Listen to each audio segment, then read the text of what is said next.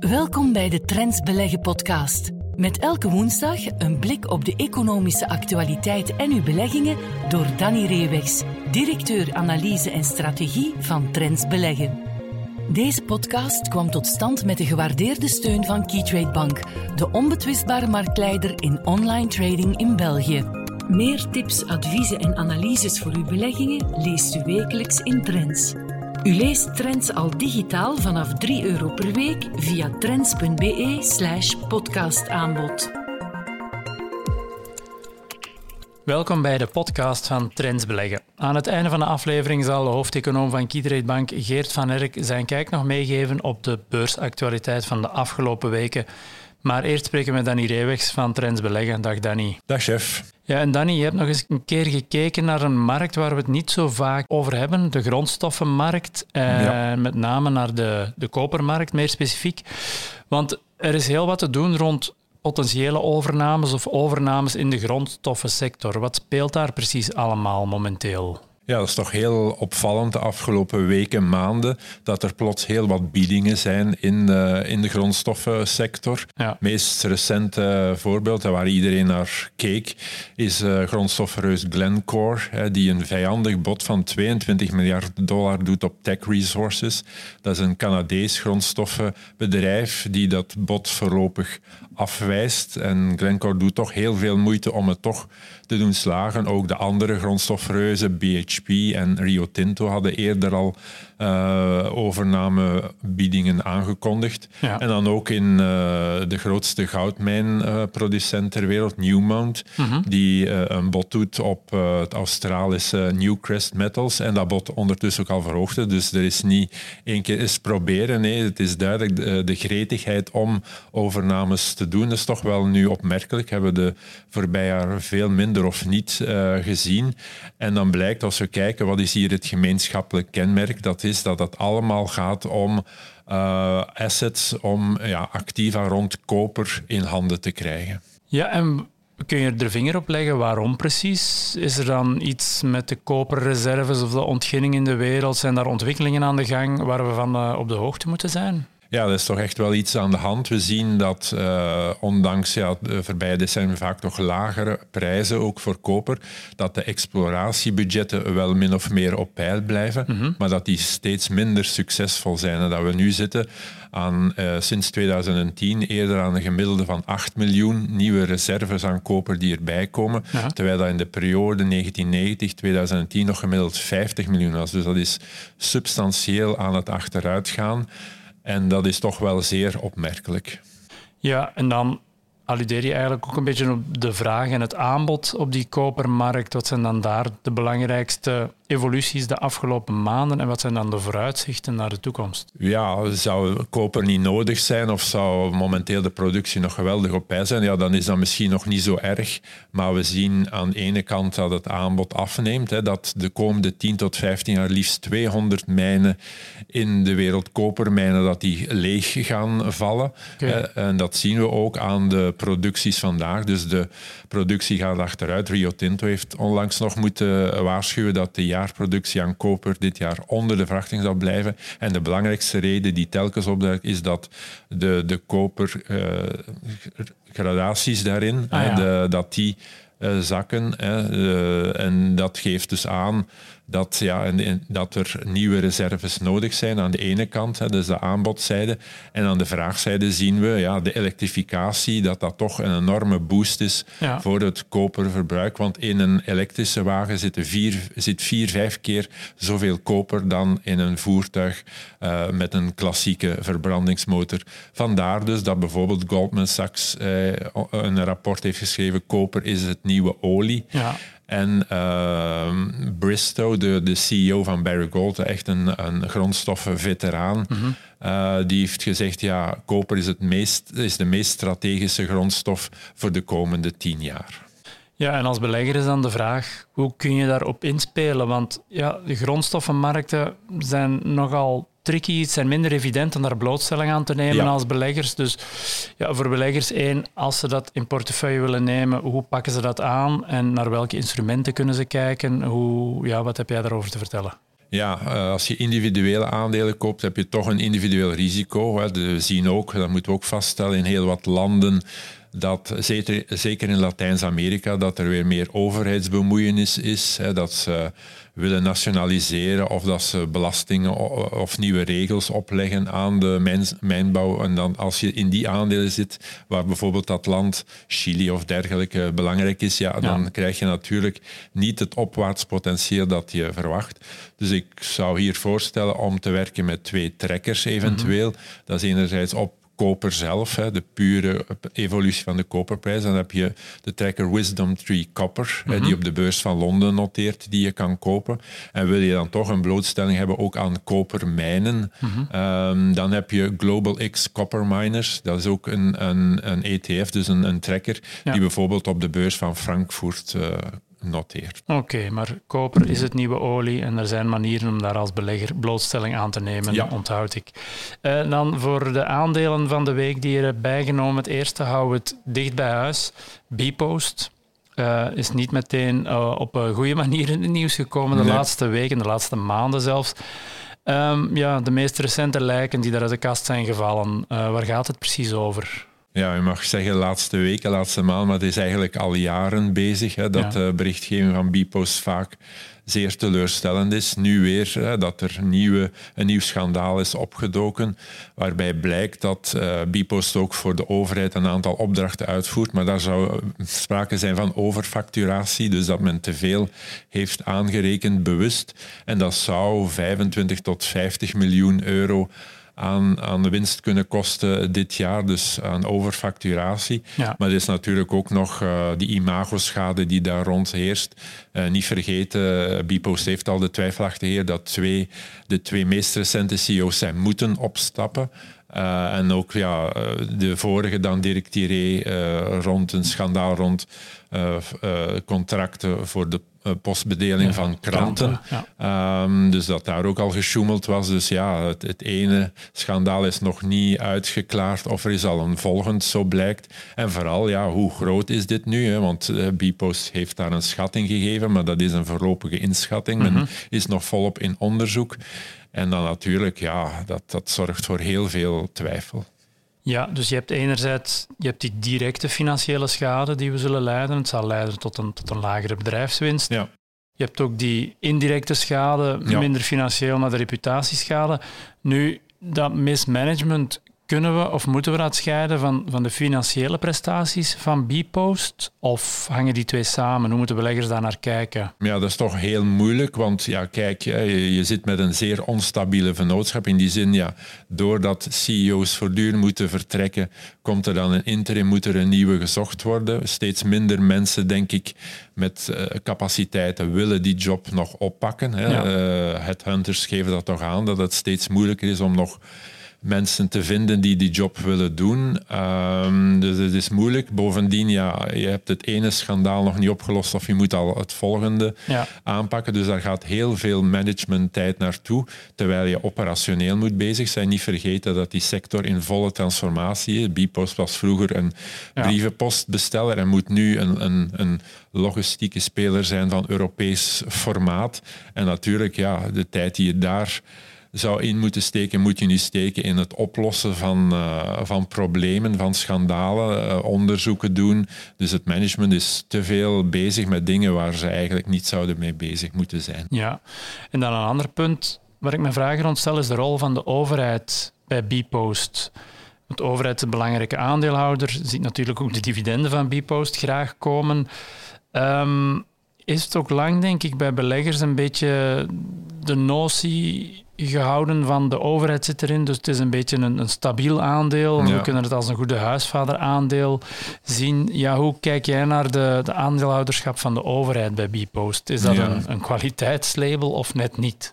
Ja, we moeten helaas vaststellen dat het dat niet is. Hè. Zo is het wel verkocht in 2013 hè, bij de beursgang hè, van een goede huisvader slash huismoeder aandeel te zijn. Een stabiel, defensief aandeel met uh, ja, vrij voorspelbare winsten en, en een hoog uh, dividend is een dividendaandeel, maar dat is het eigenlijk niet, of ja, maar niet altijd kunnen blijven, omdat het dividend ook al uh, serieus verlaagd is ten opzichte van een aantal jaren geleden, dat er een volle transformatie is waarbij de winst onder druk staat. Hè. De mhm.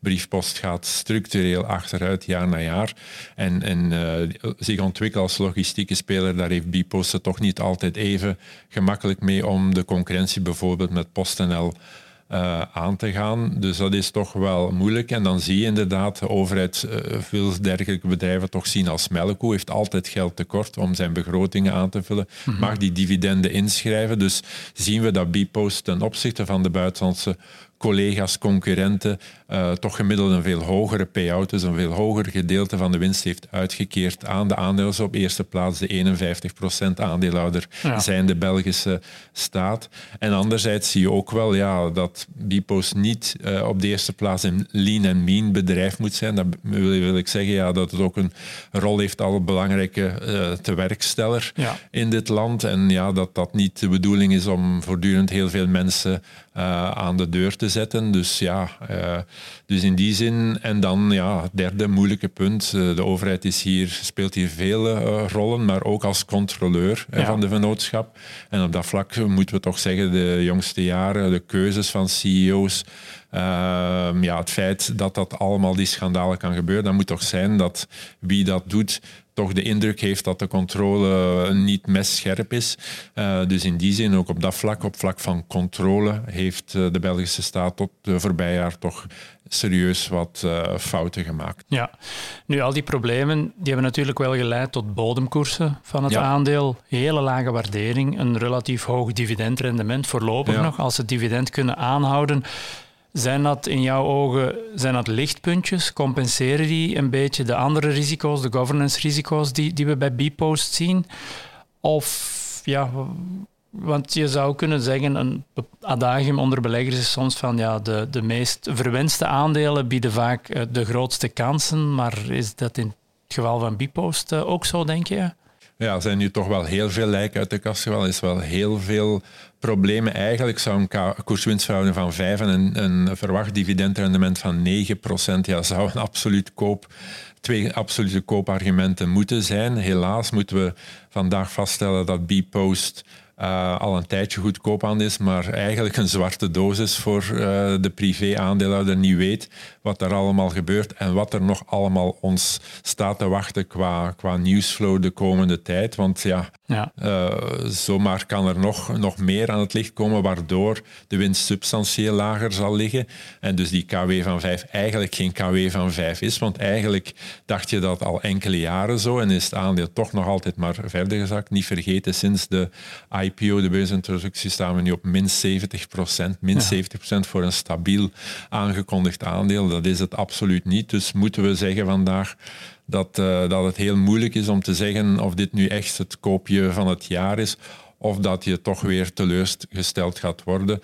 In dat geval van twijfel, zolang het onderzoek nu niet afgerond is, moeten we toch eerder een afwachtende houding aannemen. Ja, best uh, handjes afhouden, heb ik begrepen. Tweede aandeel uh, dat je er van de week hebt bijgehaald is Melexis, um, de chipontwikkelaar. Ja. Uh, hoe waren de resultaten van het eerste kwartaal bij Melexis? Wat zijn daar de hoofdpunten uit? Gelukkig heeft Melexis heel anders dan Bpost wel de gewoonte om aan de verwachtingen minstens te voldoen en dus niet voor onaangename verrassingen te zorgen. En dat hebben ze opnieuw gedaan in die eerste drie maanden van 2023. Omzet lag perfect in de opgegeven vork. Uh, de winstmarge is wat gezakt, maar dat was uh, ook wel verwacht hè, door onder meer de, de loonstijging en dergelijke. Um, maar globaal gezien is dit een prima rapport opnieuw en kan uh, Melexis aantonen dat ze nog altijd die groei verder doortrekken. Ja, en over die groei gesproken, het, er zijn een aantal drijfveren die, die het bedrijf al um, ondersteunen in zijn groei, ja. al enkele jaren. Blijven die nog intact? Ja, absoluut. Hè. Um, in die zin, ja, die elektrificatie van uh, het wagenpark, dat is volop bezig. En dus in een elektrische wagen zitten veel meer componenten, chips, uh, en dergelijke van, van Melexis. Dat is nu het gemiddelde is nu 18. Hè. Tien jaar geleden waren dat er enkele, dus dat is echt wel een substantiële toename. Dus ook de ontwikkeling naar autonoom rijden uh, en dergelijke. Dus daar zal, zullen ook heel wat chips extra nodig zijn. Dus globaal, uh, die groeimotoren, die zijn er en die gaan er nog uh, in principe nog vele jaren blijven. Ja, en als we dan naar de koers van Melexis kijken, de afgelopen maanden hebben we daar toch een fors herstel gezien. Hoe noteert het momenteel qua waardering? Ja, recent is het dan teruggevallen ook op die resultaten en ook algemeen. Hè, die chipoorlog tussen de Verenigde Staten en China weegt toch wel op de sector, ook de autosector, ja, heeft het in een eh, vrees voor recessie natuurlijk niet zo, uh, niet zo gemakkelijk, hè, want dat blijft de belangrijkste sector waar Melexis aan toelevert. En dan was er nog het nieuws over um, dat uh, de voorfinanciering moet gebeuren van de afname van een nieuw contract bij XFAP. Hè. XFAP ja. dat is, staat voor uh, Melexis staat daar voor 40% van de omzet. Dat is niet ongebruikelijk dat gebeurt, maar toch, ja, dit gaat om een kleine 200 miljoen op jaarbasis in vier schijven. Nu, mm Melexis heeft bijna 100 miljoen netto kaspositie, heeft kredietlijnen, dus dat is allemaal niet een probleem, maar toch, ja, Melexis is een, uh, naar Belgische normen een relatief duur aandeel, hè, een groeiwaarde, een van de zeldzame in technologie, dus die prijs is wat hoger. Uh, ik denk, we, we, hebben terug wat overgewaardeerd geweest, maar nu zitten we terug op een correcte waardering. Correcte waardering. Oké, perfect. Jij bent voor deze week heel erg bedankt voor jouw inzichten en graag tot volgende keer. Tot volgende keer. Dag. We luisteren nu naar Geert van Herk, Chief Economist van Keytrade Bank, met zijn analyse op een aspect van de economische actualiteit. Hallo iedereen en welkom bij de Trends Beleggen podcast. Het is de eerste podcast van de maand mei en traditiegetrouw komen we dan terug op onze relatief momentumstrategie voor de Bel 20. U weet het, sinds de start van dit jaar doen we een beetje een experiment in deze podcast. We hebben een relatief momentumstrategie voor de Bel 20 ontwikkeld en de bedoeling is met deze strategie op lange termijn ja, beter te doen dan de Bel 20. Een relatieve momentumstrategie komt er eigenlijk op neer dat we de sterkste aandelen uit de Bel 20 uh, gaan selecteren en dat we daarin uh, gaan beleggen. Goed, hoe gaan we eigenlijk te werk om die aandelen uh, te selecteren, die best presterende aandelen uit de Bel 20? Simpel, we nemen voor elk van de 20 aandelen uit de Bel 20 de return op 1, 3, 6 en 12 maanden. We tellen die vier cijfers bij elkaar op, we delen het door vier en zo bekomen we eigenlijk het gemiddeld rendement, de gemiddelde return van elk aandeel uit de Bel 20. En we rangschikken dan gewoon van hoog tot laag die returncijfers voor elk van de Bel 20 aandelen. In deze strategie ja, gaan we er eigenlijk vanuit, ja, we gaan de best presterende aandelen selecteren en de vier beste aandelen uit de Bel 20, die gaan we elke maand in de portefeuille stoppen. Goed, voor de maand april viel de keuze op Melexis, Barco, Solvay en AB InBev. Ja, als we een maand later kijken naar de return van de maand april, dan zal het niemand niet verbazen dat die eh, return negatief was eh, voor de maand april. Want ja, Melexis ging toch zo'n 18% lager gedurende de maand eh, april. En dat is toch wel een beetje een een dreun, denk ik, voor deze relatief momentumstrategie. Dat maakt eigenlijk ook dat we sinds de start van het jaar ongeveer zo'n 5% met deze strategie verliezen, terwijl de Bel 20 uh, zo'n 3,6% hoger staat. Dus het is wel degelijk ja, een strategie die op dit moment, denk ik, toch wel de discipline uh, en ook ja, de vastberadenheid van de belegger die in deze strategie gelooft en die die elke maand volgt en uitvoert in zijn, in zijn of haar portefeuille. Dus ja, maar we weten ook om op lange termijn een hoger rendement te, halen, moet je af en toe ook de korte termijn pijn van zo'n strategie aanvaarden. Het moeilijke uh, karakter van deze strategie en wanneer de markten eigenlijk vrij goed doen. Maar waarbij je zelf eigenlijk aankijkt tegen een verlies. Dat is niet gemakkelijk, zeker emotioneel. Psychologisch is dat niet altijd evident om in zo'n moeilijke tijd aan deze strategie vast te houden. Maar opnieuw, we weten dat op lange termijn wie trouw is aan die strategie en die maand in, maand uit uitvoert, zal daarvoor op de lange termijn ook beloond worden. Trouwens, het blijkt uit heel wat academische studies dat deze momentumstrategie, of nu in Europa, in de Verenigde Staten is, zulke strategieën kloppen wel degelijk de markt op de lange termijn, maar daarvoor moet je soms op korte termijn de tegenslagen erbij nemen.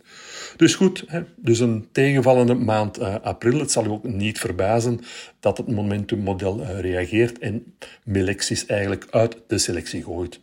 Want als we kijken van april naar de maand mei, dan zien we eigenlijk dat er één wijziging is. Inderdaad, Melexis verdwijnt uit de selectie en de plaats wordt ingenomen door KBC. KBC dat eigenlijk in april mooi hersteld is van eh, de koersdreun in de maand maart en naar aanleiding van een beetje de paniek die er toen was eh, in de Europese bankensector. Dus de vier aandelen voor de maand mei blijven uh, Barco, Solvay en AB InBev en die behouden we dus van vorige maand en Melexis wordt vervangen door KBC. Dus dat zijn eigenlijk een beetje, een beetje op dit moment, denk ik, de sterkste aandelen uit de Bel 20 onderaan van dit klassement, als we een beetje kijken, ja, welke zijn de sterke aandelen, maar ook welke zijn de zwakke aandelen uit de Bel 20, dan zien we daar toch nog heel wat, denk ik, wat defensievere uh, namen staan, zoals uh, Edifica, Proximus ook, dus uh, ja, een beetje ja, dividendaandelen die toch nog altijd wat lijden onder uh, de hogere uh, rentevoeten. Dus voilà, de relatieve momentumstrategie belegt voor de maand mei in de aandelen Parco, Solvay, KBC en AB InBev. Dus laten we hopen hè, dat vooral de maand mei opnieuw een goede beursmaand zal zijn voor de beurs in het algemeen. En dat de vier aandelen die we geselecteerd hebben, dat die opnieuw met hun traditie kunnen aanknopen om toch wat beter te gaan presteren dan de Bel 20. En dat we zodoende de achterstand die we op dit moment hebben op de Bel 20, dat we die kunnen goedmaken. Goed, ik denk wel vast voor, aan, voor de aandacht uh, voor deze podcast. We spreken elkaar opnieuw volgende week. Meer tips, adviezen en analyses voor uw beleggingen leest u wekelijks in Trends. U leest Trends al digitaal vanaf 3 euro per week via trends.be/slash podcastaanbod. Deze podcast kwam tot stand met de gewaardeerde steun van Keytrade Bank, de onbetwistbare marktleider in online trading in België. Volgende week zijn we er opnieuw.